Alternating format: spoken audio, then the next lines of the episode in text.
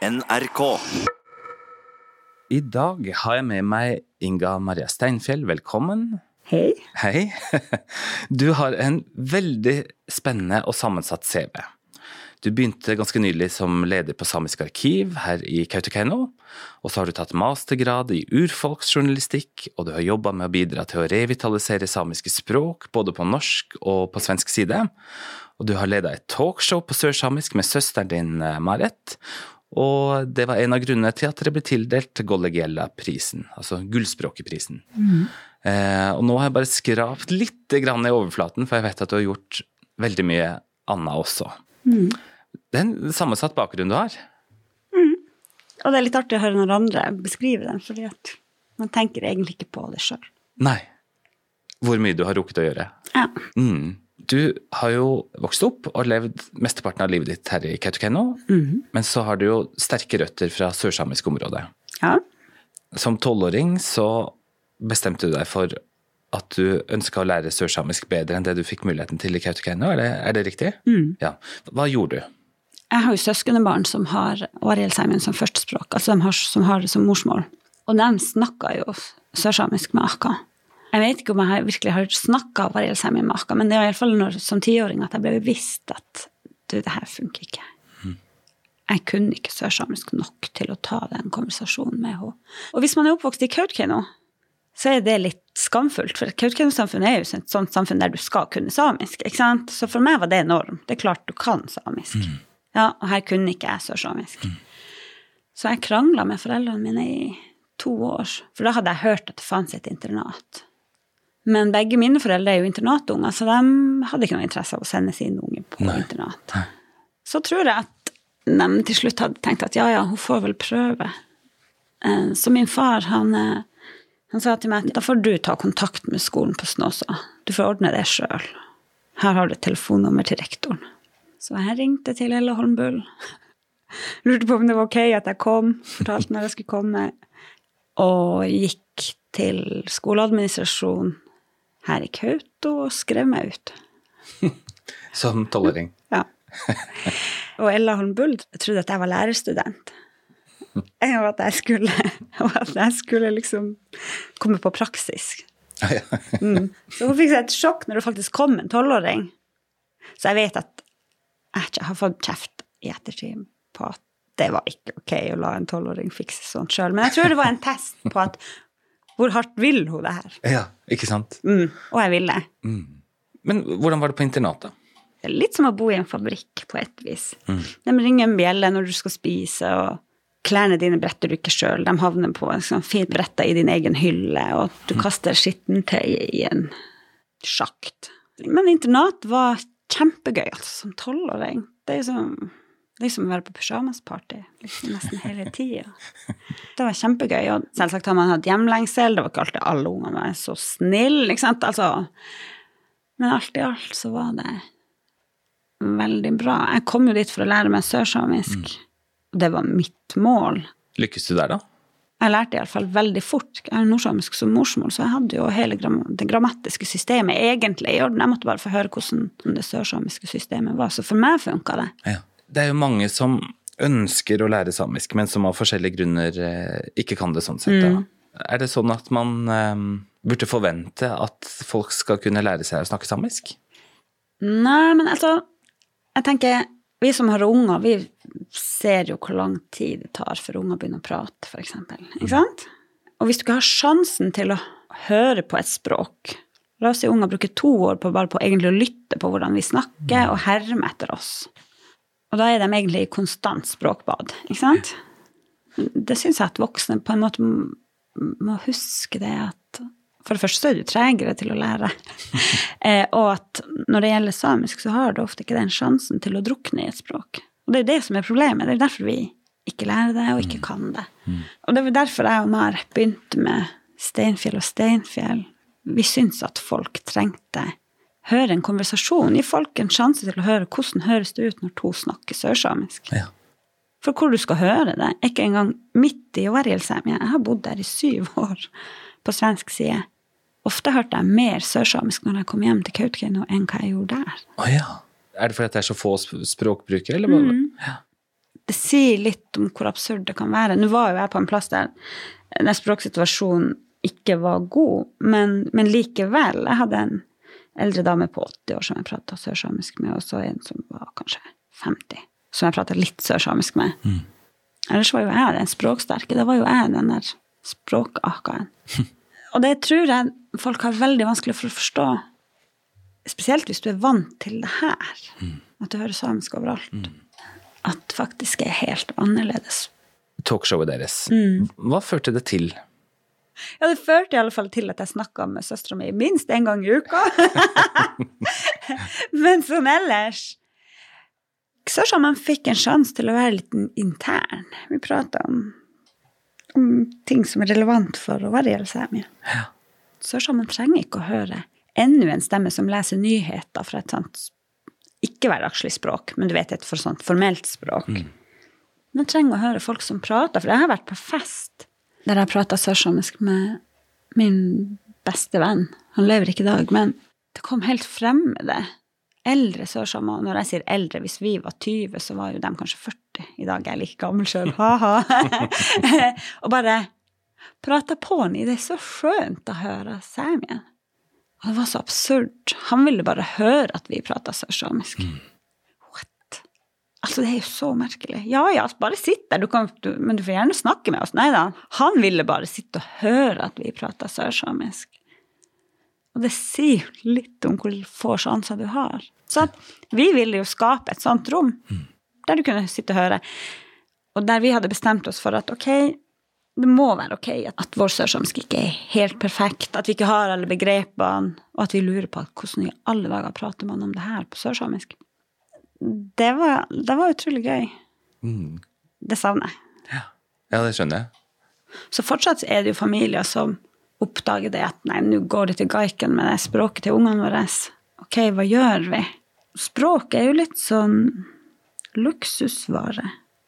Jeg bruker å tenke det at jeg tror at hadde mine foreldre fortsatt vært i reindrifta, så tror jeg jo ikke at vi hadde hatt den kapasiteten og de ressursene til å legge så mye arbeid bak for å få ungene sine til å lære seg et språk. For du kan ikke ta alle kampene. Hvis folk kjemper for å overleve i reindrifta, så noen kamper må du jo gi slipp på, og det er utrolig mange kamper. Hva var det som gjorde at eh, dere ikke lenger er i reindrifta? Eh, antall rein, beiteland man har tilgang på, inngrep, egne ambisjoner, tror jeg. Det kan ikke jeg svare for. det må jo min pappa gjøre, og mamma.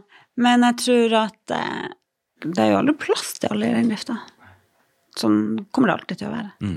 Og spesielt når beitemarka blir bare mindre og mindre. Er det sårt, eller er det noe som du aksepterer som en, en sånn realitet? Nei, det er ikke sårt.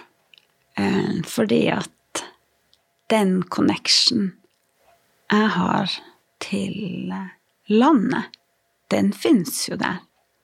Og den skapes nødvendigvis ikke av rein. Og har du møtt en fiskeoppsynsmann når du er på Steinfjell, og han spør hvor du er på vei, og ser at du har med deg fiskeutstyr, og hører at du heter Steinfjell, og sier ja, ja, bare gå videre. Fordi at han vet at skal vi krangle med de steinfjellingene om de der fiskekortene, det orker vi ikke. Egentlig så har vi ikke rett til å fiske fordi at vi ikke er i reindrifta lenger.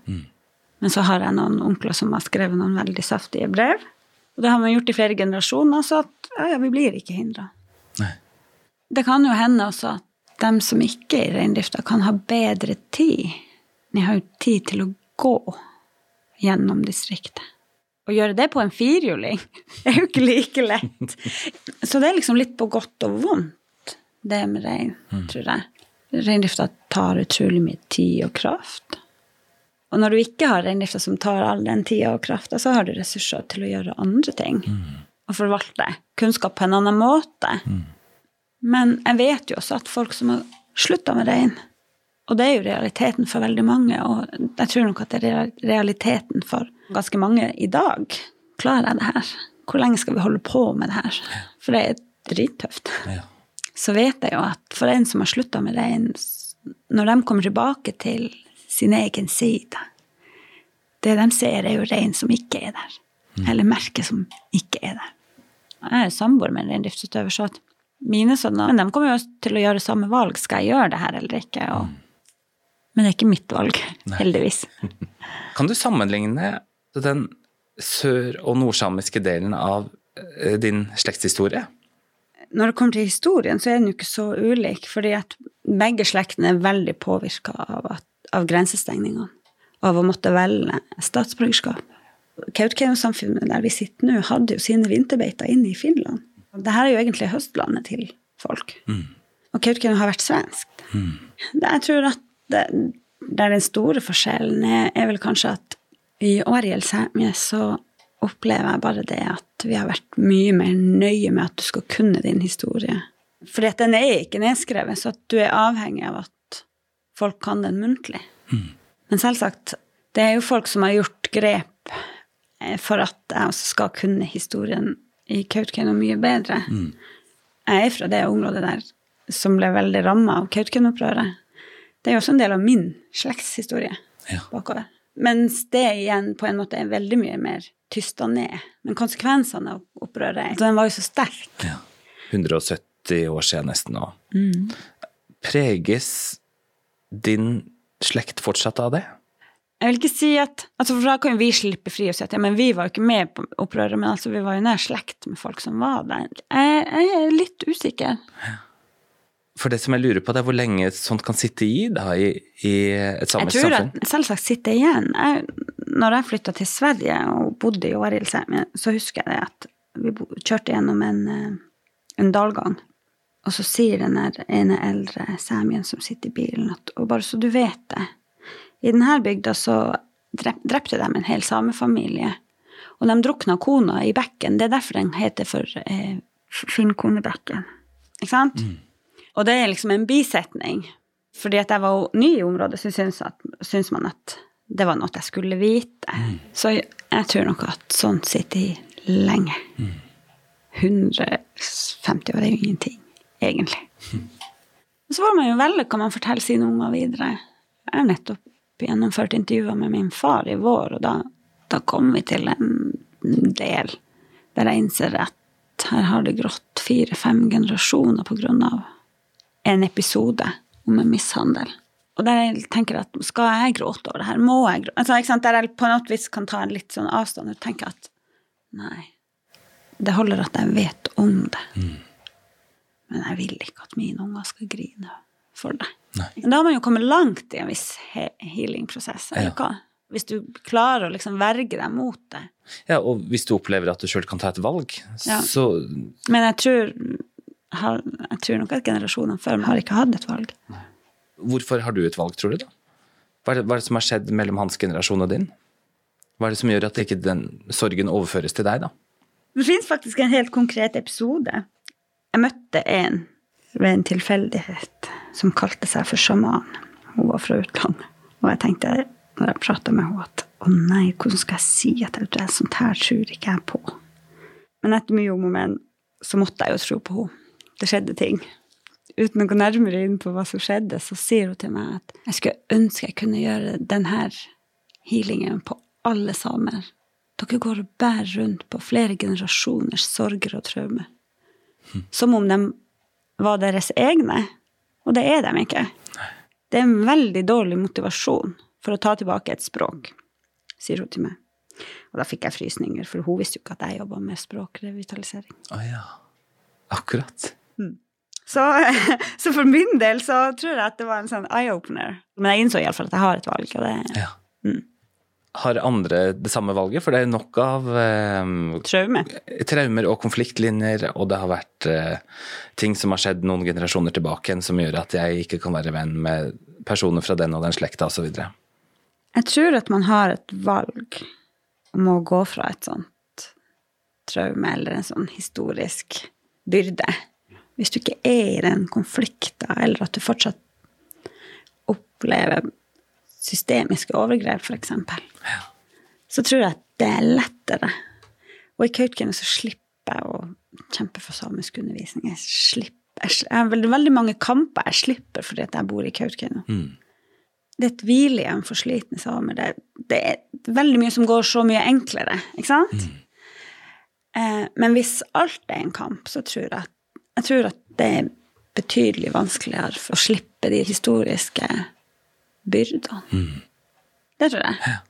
Jeg har hørt at det er eh, reindriftsfamilier sørpå som har vært i konflikt med bøndene i over 100 år om rettigheter til, mm. til beite. Det har vært eh, flere familier som har blitt tvunget ut av, av reindrifta. Hvordan kjenner du til den delen av historien sørpå? Det er jo en del av min historie. Vi har jo vært relokalisert og tvangsflytta, og det er jo en, en del av forklaringa til at vi ikke driver med rein. Sånn helt sånn strukturelt. Og til slutt er det individet som må ta beslutninga om at det her klarer jeg ikke, eller det her orker jeg ikke. Ja. Så de kampene Arild Sætmi har hatt, det den får du jo ikke glemme. Det er noe du får med oppdragelsen. Og heldig er den som får vokse opp uten å mates opp med de konfliktene. Jeg treffer sørsamiske ungdommer som sier at jeg blir så lei'. For det, du blir så utslitt av å være i konflikt. Og så står du i en konflikt som har holdt på i lenge. Over 100 år. De konfliktene du snakker om nå, dem er jo sørsamer flaska opp med. Kan du ta de store linjene med hvordan din slekt har vært en del av det? det begynner vel med det med at det dras en riksgrense gjennom hele Sápmi. Folk tvinges til å velge statsborgerskap. Du mister eh, ikke retten til å passere grensa, men da må du begynne å betale skatt for hver rein du drar over. Av koloniseringa så mister folk de beste beitemarkene og tvinges lenger og lenger opp til fjells. Eh, Det blir flere og flere nybyggere, folk får flytte, og de flytter ikke bare én gang. De, jeg vet at visse familier under en tiårsperiode flytter gamma si tre ganger. Fire. Og hver gang du begynner å etablere deg, så selger Statskog marka under deg til en nybygger. Som du allerede har rydda, for den har du ikke noen rett til. Fordi at man har dratt riksgrensen midt imellom det her, så blir jo Og reindrifta tilpasser seg jo alltid, men eh, alt blir vanskeligere. Sånn i store drag så er det jo det, men sånn er det jo her også. Det er der, derfor jeg sier at den historien er ikke så forskjellig. Hva som skjer etterpå, er kanskje større. Ja. Jeg tror at det er vanskelig for folk å forstå at det faktisk har vært en nybyggertid i Ariel Sæmi, og at den har vært ganske blodig. Ja. Altså I din nye jobb nå på Samisk arkiv, er det, er det et felt du kan ta fatt på? Mm. Og det må jeg gjøre. Så sånn sett så er det en veldig sånn, viktig personlig motiv, kanskje, da, som du tar med deg inn i jobben? Ja, absolutt. Det tøffeste jobbintervjuet jeg hadde til denne jobben, det hadde jeg med min samboer, som lurte på at, hva skulle en journalist gjøre på denne posten? Hva vil du med den jobben? Det tror jeg nok at den, den bakgrunnen mine slekter har, hva gjelder nybygging, hva gjelder liksom vår historie, å få den inn og akseptert, forska på, ikke sant? Det, det er kjempeviktig. Du begynte nå for eh, en to måneders tid siden omtrent, her på Samisk arkiv. Hva er oppdraget deres, og hvordan har du tenkt å begynne? Oppdraget vårt er jo å bevare samisk historie for fremtida, og samisk kunnskap også delvis. Et problem er jo at historien til Sámi bygger veldig mye på privatpersoners initiativ. I dag er vi heldige og har institusjoner som privatmennesker har jobba hardt for å få til. Sant? Organisasjoner. Så at samisk historie som skal inn til oss, den er veldig mye basert på det private arkivet og sånn. Og så handler det jo selvsagt også om å få folk til å ha den tilliten til oss, at vi kan forvalte historien deres og ta vare på mm. dokumentene deres. Jeg tror nok at det fins enda flere skatter der ute som ikke er oppdaga.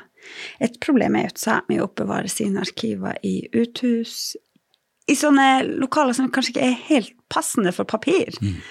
Så eh, det er ofte sånn arveoppgjør blir Da begynner liksom de her papirene å tyte ut. Hva skal vi gjøre med det her? Så det, det er jo da vi får tilgang på det. Ja. Relevante skriftlige kilder for dere, hvor langt tilbake går det? Det eldste samiske arkivet vi har, er fra 1880. Og det høres jo så nytt ut. Gjør det det? Ja. Ja, men da får du jo tenke på at vi er et nomadiserende folk, selvsagt. Hvis jeg sier at det eldste privatarkivet eh, vi har, er fra 1880, Men selvsagt, andre har jo skrevet om samer, og det er jo mye eldre. Du har Misjonsarkivet, der de setter en strategi for å kolonisere og misjonere sami. Papirene om oss er jo betydelig flere, men mye av fokus hos oss ligger av den kunnskapen og det materialet Sámi sjøl har produsert. Og så bruker jeg å tenke på at arbeidet i Sámi skjer på så mange nivå. Noen av oss må jobbe på internasjonal og nasjonal nivå med de strukturene. Så har du noen som jobber det allsamiske, og så har du noen som jobber på regionalt nivå. Og så trenger vi også dem som faktisk fortsatt gjør det daglige arbeidet i en side, i en bygd, i et hjem, som fører tradisjonene videre. Vi trenger alle de folkene på alle de nivåene, og så må vi være flinke og erkjenne at det du gjør, er viktig. Det syns jeg er kjempeviktig. Mens jeg sitter her, så er det noen som har slakta skanker for meg, som har eh, Jeg kan ikke engang si det på norsk. Neskanja, deilonja. Tatt vare på leggskinn for meg, så at mine unger har noe å ta på seg til vinteren. Og det er like viktig som det arbeidet jeg gjør på det internasjonale møtet ditt jeg skal neste uke. Og det forarbeidet som er gjort der. Men for at livet i hverdagen hjemme skal funke, så må noen jobbe også på internasjonalt nivå, og så må vi gi hverandre kred. Og det håper jeg vil bli flinkere på. Man har jo masse identiteter, og jeg begynner å innse det at jobbidentitet er kjempeviktig for meg. Og så liksom våge å si det at ja, men jeg liker å jobbe. Altså for som mamma i Sámi, der du har en samboer som om høsten knapt er hjemme, er liksom de her arbeidende mødrene det er alltid helt husrent. Litt sånn utradisjonelt, Ja. kanskje? eller? Eh, men det er jo bare å innse det at det er en kjempeviktig del av meg. Mm. Er det noen som liksom skuler på deg, eller utfordrer deg? Før, definitivt. Begynner med å bli voksen, så at nå slipper man å ta de Hva hørte du, da? Du skal jo ta vare på dine egne barn. Det vil være måte på hvor mye hjelp du trenger, egentlig. Kanskje.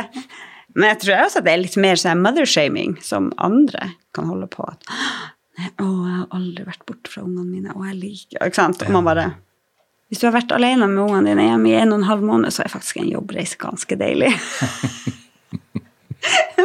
Får du sovet en hel natt, og det er noen som har lagd frokost på hotell, og ja, det er helt Men syns du Kautokeino-samfunnet er for tradisjonelt? Er det på grensa til traust? Kautokeino har to parallelle spor. Du har den der vi offisielt er veldig traust, utrolig tradisjonell. Og så har vi virkeligheten, der vi slett ikke er sånn. Så både ja og nei. Jeg tror nok at det er ganske mange damer som er litt i spagaten ofte. Fordi at de har så stort ansvar. Ja, det er jo ingen hemmelighet at damene i Kautokeino har størst inntekt. Ikke sant? De må jobbe. Og lengst utdanning? Kautokeino er jo så mye mer enn det du ser. Men altså, Kautokeino er det samfunnet der du har Jeg kan møte en direktør på vei ut av døra, så vet jeg det at når hun kommer hjem, så står hun sikkert og sløyer fisk fordi at noen har vært og hatt et nett om kvelden. Og det er jo så fint. Det er liksom ikke en enten-eller. Nei. Men hvordan løser dere det, du som har en mann i reindrifta? Ja, jeg hadde aldri overlevd uten mamma. Nei. Min enig. Aldri i livet. Det er derfor jeg bor i Kautokeino. Jeg må ha et nettverk som gjør at jeg kan jobbe, og som forstår at, at det er viktig for meg, og som syns at det er bra. Så jeg har jo sånn superwoman i ryggen. Uten hadde det ikke gått. Og så har jeg en tante som også stiller opp. Man skal ha et nettverk hvis man skal jobbe sånn som jeg gjør. Ja. Og med en samboer som er så mye borte. Ja, ja. Men han er jo mye hjemme også, så i dag kommer han hjem. Ha, jippi! Og du reiser til Oslo i morgen? Ja, vi er hjemme et døgn sammen. Man holder iallfall på nyforelskelsen. Inga Maria Steinfeld, tusen takk for at du var med i Tett på. Lykke til med redigeringa, og takk skal du ha. Jeg heter Svein Lian. Tett på fra NRK Sápmi er produsert av 1 til 1 Media.